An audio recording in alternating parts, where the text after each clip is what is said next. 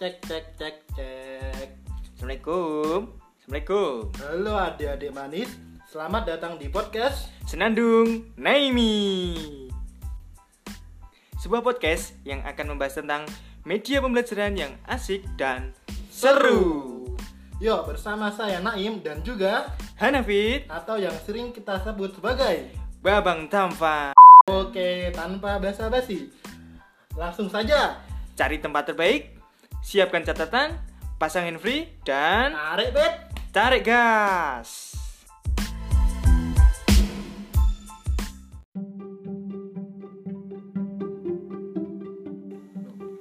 Nah, dari teman-teman di sini pastinya nggak sabar mendengar suara-suara yang indah dari kami berdua. Tentunya, apalagi Mas Hanafi sendiri merupakan mantan dari anggota band. Udah bubar atau belum ya itu? Itu masa lalu saya, Mas. Oh masa lalu. Oke, Babangan Dika Mahesa ya. Kali Iya. dua. Oh, Duplikatnya. Mas. Oh, duplikatnya. Baik, baik, baik. Kita mau membahas apa ini, Mas? Tentang pendidikan ya tentunya ya. Iya, kenapa kita membahas tentang pendidikan? Karena pendidikan merupakan salah satu faktor yang sangat penting di negara kita. Tentunya dan berhubung kita juga merupakan salah satu warga atau mahasiswa aktif di FKIP. Apa itu kepanjangannya, Mas? itu kepanjangan dari Fakultas Keguruan dan Ilmu. Pemesinan. Oh, itu singkatan yang baru ya. Iya, Mas. Perlu dicatat ya teman-teman semua yang ini singkatan baru dari Mas Hanafid atau Babang Tampan. Nah, langsung aja nih Mas. Em, menurut Mas Hanafid, Mas Hanafid sendiri perbedaannya, terutama ini kan sedang fase-fase corona ya. Perbedaan antara pembelajaran yang dulu kita di sekolah sama yang sekarang tuh bagaimana Mas? Nah, tentunya sangat beda sekali, Mas Naim. Karena ketika luring mungkin siswa dan guru itu bisa saling tatap muka. ya Jadi tentunya. eh, siswa itu bisa dikontrol oleh gurunya langsung gitu loh. Iya. Nah, kalau sekarang kan masa daring kayak gini karena adanya virus corona tadi. Nah, dengan anu ya masalah yang kelam ya. ya, bisa dikatakan seperti itu, Mas. Oke, lanjut aja gimana media Oke. pembelajaran yang digunain gurunya dulu? Medi ketika dulu saya di beberapa apa ketika menimba ilmu di SMK SMP SD kebanyakan media yang saya gunakan itu ya itu itu aja sih, mas. Kayak PowerPoint misal. Jadi kayak belum ada ketertarikan gitu kayak untuk Bosen nih ya? nah bisa dikatakan seperti itu ya gurunya yang ngomong siswanya tidur. Wah sering sekali itu apalagi online. Wah nah, ditambah seperti itu mas. Siswa seperti apa besok ke depannya? Hancur. Jangan Oh, jangan, hancur sih, Mas. jangan, jangan, seperti jangan itu hancur. harapannya. Makanya kita pada diskusi kali ini tuh pengen membahas tentang media pembelajaran ini karena sangat berpengaruh buat kita semua, Semua. apalagi kita kan mahasiswa. Oke baiklah. Nah di Heeh. siswa itu kan nggak bisa dipantau oleh gurunya secara langsung. Karena apa? Karena siswa itu kadang off cam seperti itu kan mas? Tinggal tidur malah pergi malah wisata. Katanya apa izin orang tua mau ke kafe mau belajar. Nyatanya. Malah pacaran. Nah itu siapa itu mas? Oh ya itu ada teman saya kayak gitu. Jangan dicontoh seperti itu kawan-kawan. Oh iya, tentunya kan pembelajaran yang dulu pasti juga ada masalah. Sebelum adanya corona kan masih ada masalah juga mas. Kayak siswa sering tidur di kelas, tidak memperhatikan, tidak fokus dan bahkan ada siswa yang berani sama gurunya loh mas. Nah, itu pasti ada Mas Naim karena ya gimana lagi? Itu salah satu faktor yang menjadi tantangan buat guru seperti kita ini sebagai calon-calon Oh, ini tenaga pendidik ya? pendidik iya. Pendidik Pendidik buat- berapa? kita sendiri, Mas. Oh kita sendiri ya, karena kita kan juga menjadi guru buat kita sendiri juga ya. Nah, pada dasarnya seperti itu kawan-kawan. Oh iya, pendidikan itu kan juga berkaitan erat dengan materi kita ini yaitu media pembelajaran. Nah, pastinya di dalam suatu pendidikan ada namanya media pembelajaran. Nah, terus apa ya? eh, menurut Mas Hanif sendiri, media pembelajaran yang saat ini digunakan tuh gimana?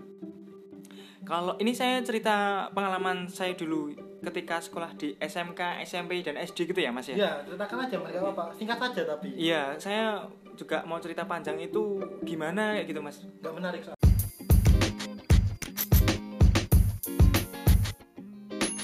Tuh. Menurut Mas Naimi, media pembelajaran yang digunakan oleh guru di sekolah di Indonesia ini apakah sudah cukup efektif Mas Naimi? tentunya kalau menurut saya ya kalau Mas Hana fitanya itu menurut saya sendiri itu belum. Soalnya masih banyak sekali apa ya guru-guru yang belum mengoptimalkan media pembelajaran sendiri. Dan performa guru di Indonesia itu juga menurut saya masih kurang. Ya meskipun ada yang menonjol dengan adanya guru berprestasi ya mas ya. Tapi kan itu nggak semuanya bisa seperti itu. Jadi menurut saya itu belum. Oke, mantap sekali jawabannya Mas Naimi. Nah, dari sini berarti media pembelajaran ini sangat berperan penting dalam keberjalanannya pembelajaran ya Mas ya. Oh ya tentunya sangat penting sekali. Tapi ya kita lihat dulu apa itu faktor-faktornya. Mungkin ada yang sarana prasarana sekolahnya belum mumpuni atau kita lihat saja lah di Solo. Kita bandingkan di Solo dengan daerah saya sendiri ya. Di Seragen itu jauh sekali mas. Kalau di sini kan akses internet, internet mudah sekali. Mau akses apa aja mudah gitu loh. Kayak apa lingkungannya mendukung buat apa gurunya itu berkreasi lebih kreatif lagi. Tapi kalau di, di daerah saya akses internet itu susah sekali. Itu contoh apa ya gampangnya ya itu susah sekali di sana. Jadi kalau menurut saya itu lebih gimana ya eh, gurunya itu lebih kreatif lagi menurut saya. Menginovasikan apa yang ada di lingkungannya supaya menjadi bahan atau media dari pembelajaran itu supaya siswa itu tertarik lagi. Nggak perlu yang muluk-muluk muluk-muluk sih menurut saya. Itu sih mas Wah, wah, wah, wah. Ini kayaknya bakal menjadi bahasan yang sangat menarik sekali pada kesempatan kali ini ya Mas ya. oh ya tentunya kalau ngomong-ngomong nih kali ini kita tuh mau ngomongin apa aja sih Nah, kita pada kesempatan kali ini mau ngomongin tentang apa sih itu media pembelajaran. Lalu lalu Lalu yang kedua itu kita mau mengetahui kegunaan media pembelajaran itu sendiri, Mas. oh ada gunanya juga ya itu ya Wah, tentunya kalau nggak ada gunanya ngapain eh, dibahas ngapain dibahas gitu loh. oke terus apa lagi mas Dan yang ketiga, kita juga akan membahas tentang klasifikasi, karakteristik, serta jenis dari media pembelajaran. Oh, berarti lebih rinci lagi ya, mas. Kita kupas apa itu media pembelajaran lebih rinci lagi ya. Pokoknya di sini kita kupas tuntas sampai teman-teman di sini tuh paham tentang media pembelajaran. Terus selain itu, mas, apalagi? Kan itu udah ada rinci-rinciannya. Nah itu, terus saya mau tanya nih. Nanti berarti ada kayak pemilihan-pemilihannya ya, mas ya? Nah, itu perlu ditentukan secara efektif Mas dalam memilih media pembelajaran. Misal Mas Naim besok mau menggunakan media pembelajaran apa dalam pembelajaran CNC nih ya Mas ya. Hmm. Nah, masuk Mas Naim menggunakan media pulpen aja itu kan nggak mungkin Mas. Susah sekali. Kan sudah tiga apa ya? Kalau menurut jurnal yang saya baca tuh pembelajaran seperti itu atau hanya berfokus pada guru itu tidak akan menghasilkan sesuatu yang baik menurut jurnal yang saya baca karena apa ya kan toh nanti selanjutnya juga siswa-siswa juga atau para murid juga atau para mahasiswa juga yang akan menerapkannya di kehidupan yang nyata. Kalau menurut saya sendiri sih kalau cuma sekedar poin aja dan nggak dikembang-kembangin ya menurut saya kurang maksimal sih. Soalnya kan nanti ujung-ujungnya bukan guru yang akan terjun tapi siswa atau mahasiswa yang akan terjun langsung langsung ke lapangan ya mas ya? Iya. Ini teman-teman di sini pastinya udah nggak sabar nih mau nunggu pembahasan menarik tentang media pembelajaran. Teman-teman di sini pasti udah siap kan? oh ya harusnya sudah siap sih tapi kita garis bawahi ya mas ya tentunya semua itu akan kita bahas melalui sudut pandang kita masing-masing ya mas ya Iya. Pokoknya kita kupas tuntas mengenai media pembelajaran dan ingat lagi ya bagi teman-teman yang kurang setuju atau belum sependapat nih sama kita berdua. Kalian bisa bahas ini melalui apa ya kita bikin grup mungkin ya mas ya. Grup Iya. WhatsApp. Kita diskusi bareng-bareng di situ ya. Iya, atau bisa juga kasih masukan di email kita jihanafit11 at gmail.com wah terus kali atau bisa ke Instagram saya mungkin atau Miftahul Naim I nya dua. Nah, itu kan yang second akun mas. Yang akun yang aslinya itu kan Ian Kasela ya mas ya? Oh enggak itu enggak enggak enggak. Oke sip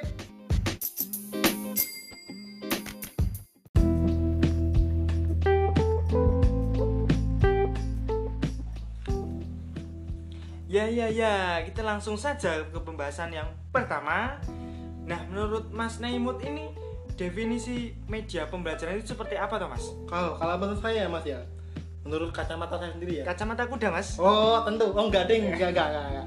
Kalau menurut saya ya, media pembelajaran tuh anu perantara ya mas ya, perantara bagi kita.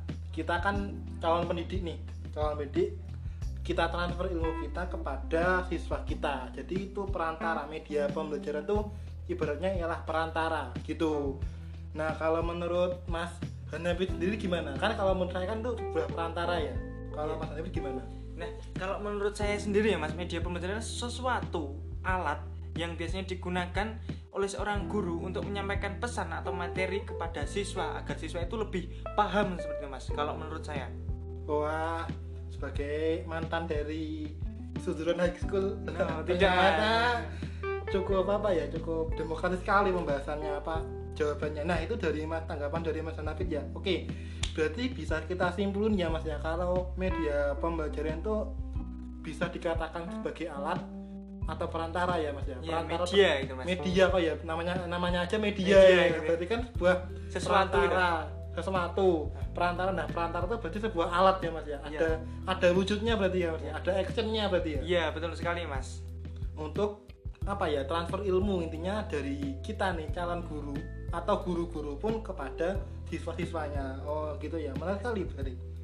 Oke mas Hanafid ya sekali lagi ya saya ingatkan ya buat teman-teman nih yang punya pendapat lain bisa disampaikan lewat forum grup diskusi ya karena barusan saja ini mas Hanafid sudah buat WAG nih wah mantap sekali mas Naim nah ngomong-ngomong itu gratis kan mas Oh tentu dong, tentu asalkan mau jualan risol mayo boleh gabung ke ama grupnya, betul kan Mas Hanafid? Oke, siap mas Naimut Risol mayo jangan lupa risol mayo. Oke. Danusan.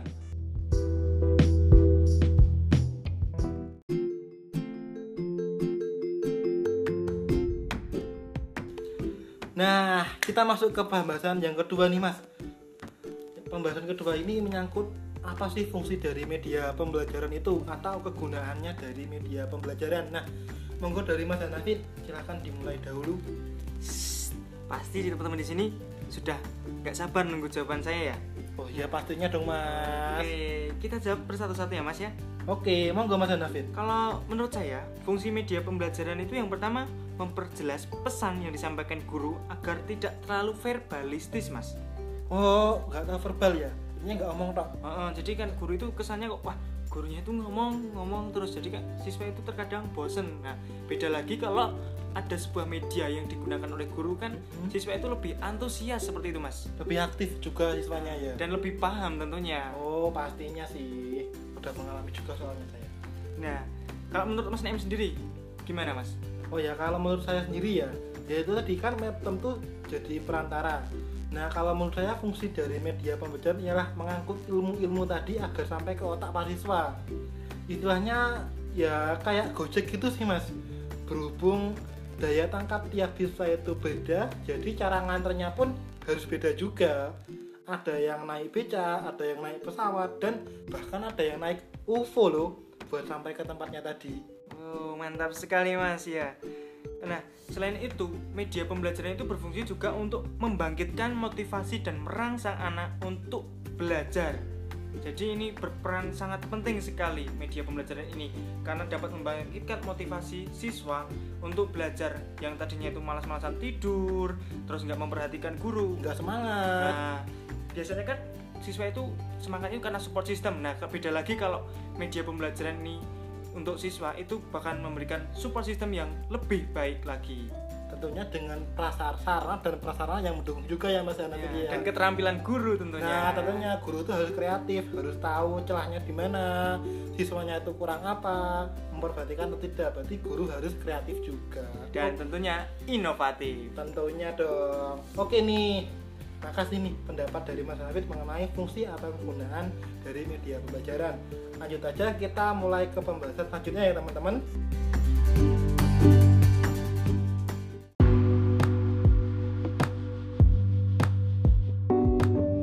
Nah, untuk pembahasan selanjutnya ini kita mau membahas tentang karakteristiknya nih mas. Nah, karakteristik ini apa sih mas menurut mas Hafid itu? Karakteristik itu menurut saya itu ya sebuah ciri khas ataupun yang menggambarkan tentang media pembelajaran ini, Mas. Berarti ada kayak ciri khususnya gitu ya, Ya, mas ya? Syarat-syaratnya seperti itu. Oh syarat-syaratnya lebih banyak syarat-syaratnya ya. Nah itu apa aja sih?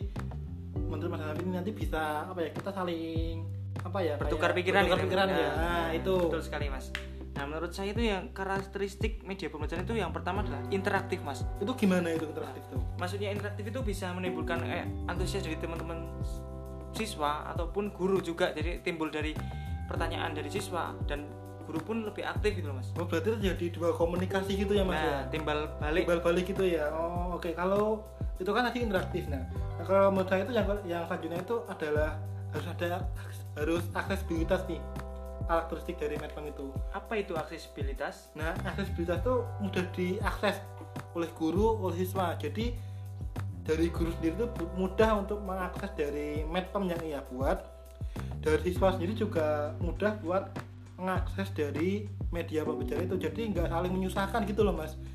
Masa nanti gurunya bikin media yang kayak gini nanti siswanya buat ngasihnya susah. Jadi kan gimana ya kayak siswa itu mau menjangkau atau mau me, apa ya menuju ke media itu susah gitu loh mas. Jadi menurut saya karakteristik dari media pembelajaran itu juga harus aksesibilitas gitu sih mas Oke mantap sekali jawaban dari Mas Naim ini Nah selain itu selain mudah diaksesibilitas Media pembelajaran, pembelajaran ini juga perlu mudah digunakan oleh siswa ataupun guru Nah takutnya kalau media pembelajaran itu yang ruwet kayak gitu mas hmm. Itu malah siswanya nggak jadi belajar gitu Malah menyusahkan juga ya nah, berarti ya iya. Pembelajaran nggak maksimal ya hmm, Terus apa lagi nih mas menurut mas Nafi itu? Dan yang poin keempat itu media pembelajaran itu harus distributif. Apa itu distributif? Apa itu Mas distributif? Distributif itu media pembelajaran itu sekali disajikan itu bisa menyampaikan pesan kepada orang banyak gitu mas. Oh berarti nggak cuma kelompok-kelompok tertentu golongan-golongan tertentu gitu ya mas ya? Betul sekali mas Naim. Oke nah selanjutnya nih mas kalau boleh saya tambahkan ya. Selain harus menjangkau ke orang banyak media pembelajaran itu harus sesuai dengan tujuannya. Gitu loh. Nah, jadi media pembelajaran itu punya tujuan sesuai dengan tujuannya gitu loh mas. Misalkan uh, tujuannya itu pengen siswa itu jago sianti ya tujuannya seperti itu bukan kok apa kita bikin media pembelajaran tapi tujuannya malah jago gambar. Wah itu kan susah juga. Berarti harus di planning gitu ya mas ya? oh iya ada plannya. Betul sekali gitu nah dan yang terakhir nih menurut saya nih mas ya. Hmm, media pembelajaran itu harus mendukung materi. Oh tim ses? Tim bukan seperti itu mas. Oh, gimana, kalau nggak dukung materi berarti bukan berarti oposisi gitu ya? Oh, gimana kalau menurut saya itu media pembelajaran itu benar harus mensupport hmm. materi yang diajarkan. Ah. seperti itu mas. Berarti apa mendukung intinya istilahnya gimana ya? Ada nilai tambah dari materi itu karena adanya media pembelajaran. Seperti itu kah? Betul sekali. Oh, oke. Okay. berarti jadi kalau bisa kita simpulkan ada berapa tadi mas? Ada enam menurut saya mas. Ada enam. Apa aja tadi? Pertama interaktif. Yang kedua aksesibilitas. Yang ketiga. Mudah digunakan. Kalau yang kalau selanjutnya kalau nggak salah itu distributor. Eh enggak. Distributif mas. oh iya distributif. Nah oh, iya. untuk ngetes lagi yang kelima apa mas? Kalau nggak salah itu sesuai dengan tujuannya. Nah mantap sekali. Yang terakhir? Oh yang terakhir kalau nggak salah itu apa ya? Mendukung materinya. Jadi kalau ada nilai tambahnya gitu ya. Kalau kita itu berarti ada enam ya ini ya? Nah teman-teman di sini juga harus mengingat ya fungsi dari media pembelajaran apa tadi? Kok fungsi oh kok fungsi tuh karakteristik. Ah ya mulai gak fokus perlu digaris bawah ya teman-teman. Karakteristik dari media pembelajaran ada enam. Oke mantap. Nah kita lanjut ke topik selanjutnya. Mungkin gimana mas? Lanjut saja mas. Karena teman-teman di sini sudah sangat antusias untuk menuju pembahasan selanjutnya. Oh ya pastinya dong.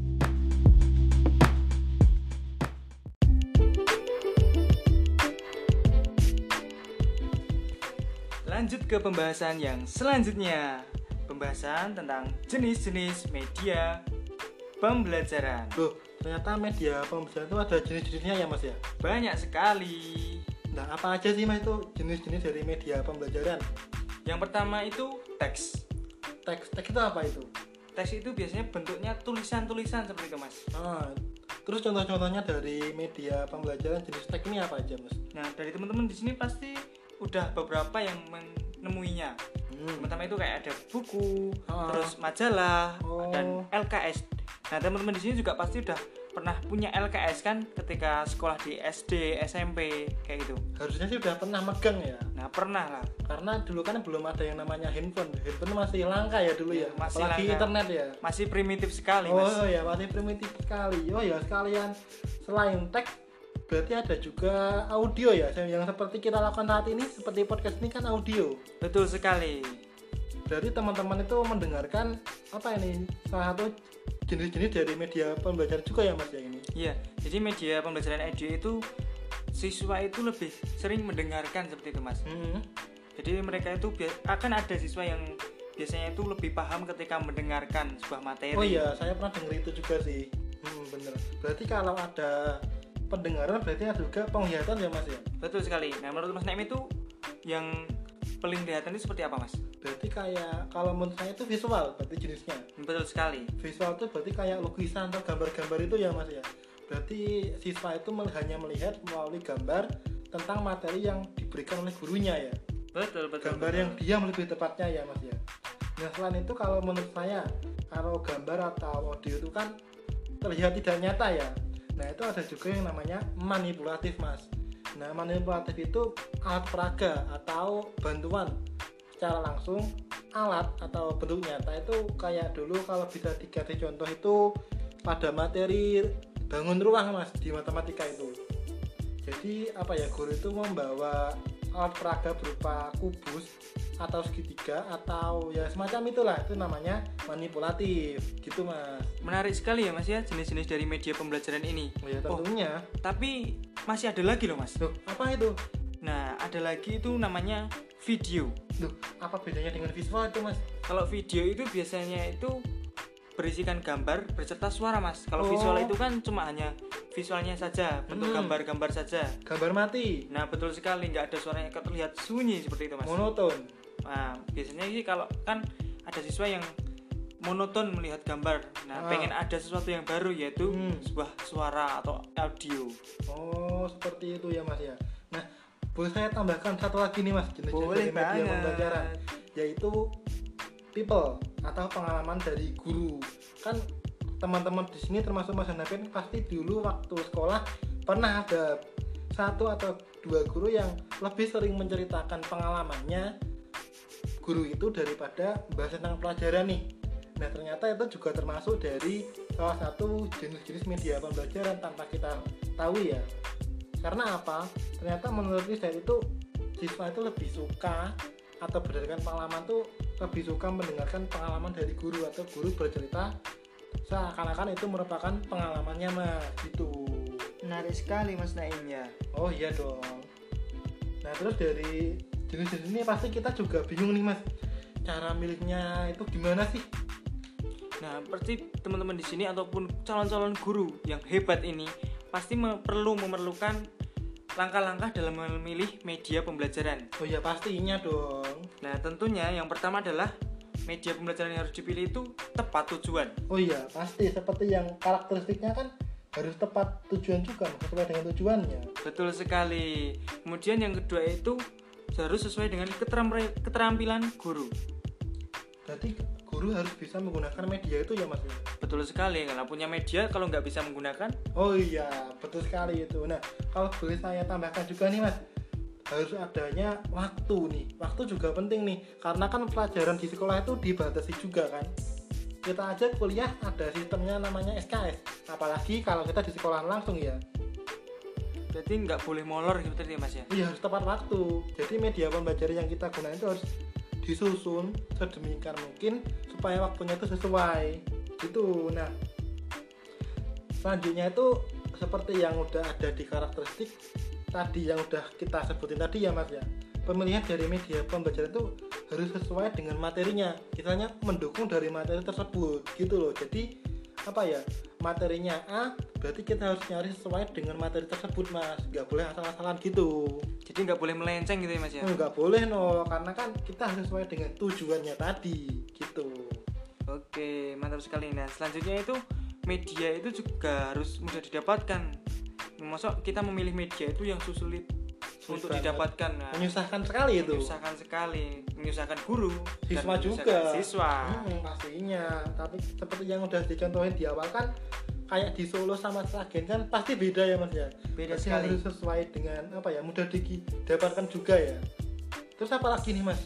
Dan yang terakhir itu sesuai dengan taraf berpikir. Oh, apa itu maksudnya Maksudnya itu gini, siswa itu kan kadang memiliki tingkat berpikir yang berbeda-beda gitu. oh ya pastinya lah Nah, itu harus menyesuaikan dengan taraf berpikir masing-masing siswa. Oh iya, oh, bener sekali itu. Berarti harus sesuai dengan apa ya kayak eh, apa ya kayak siswa itu otaknya gimana kemampuannya gitu ya mas ya. Hmm, harus benar-benar merangkul semua siswa gitu. Oh iya bener sekali. Nah itu tadi teman-teman eh, cara milih dari media pembelajaran. Bisa saya rangkum lagi yang pertama itu ada sesuai dengan atau tepat dengan tujuannya. Yang kedua itu guru itu terampil menggunakannya. Yang ketiga tersedia alokasi waktu.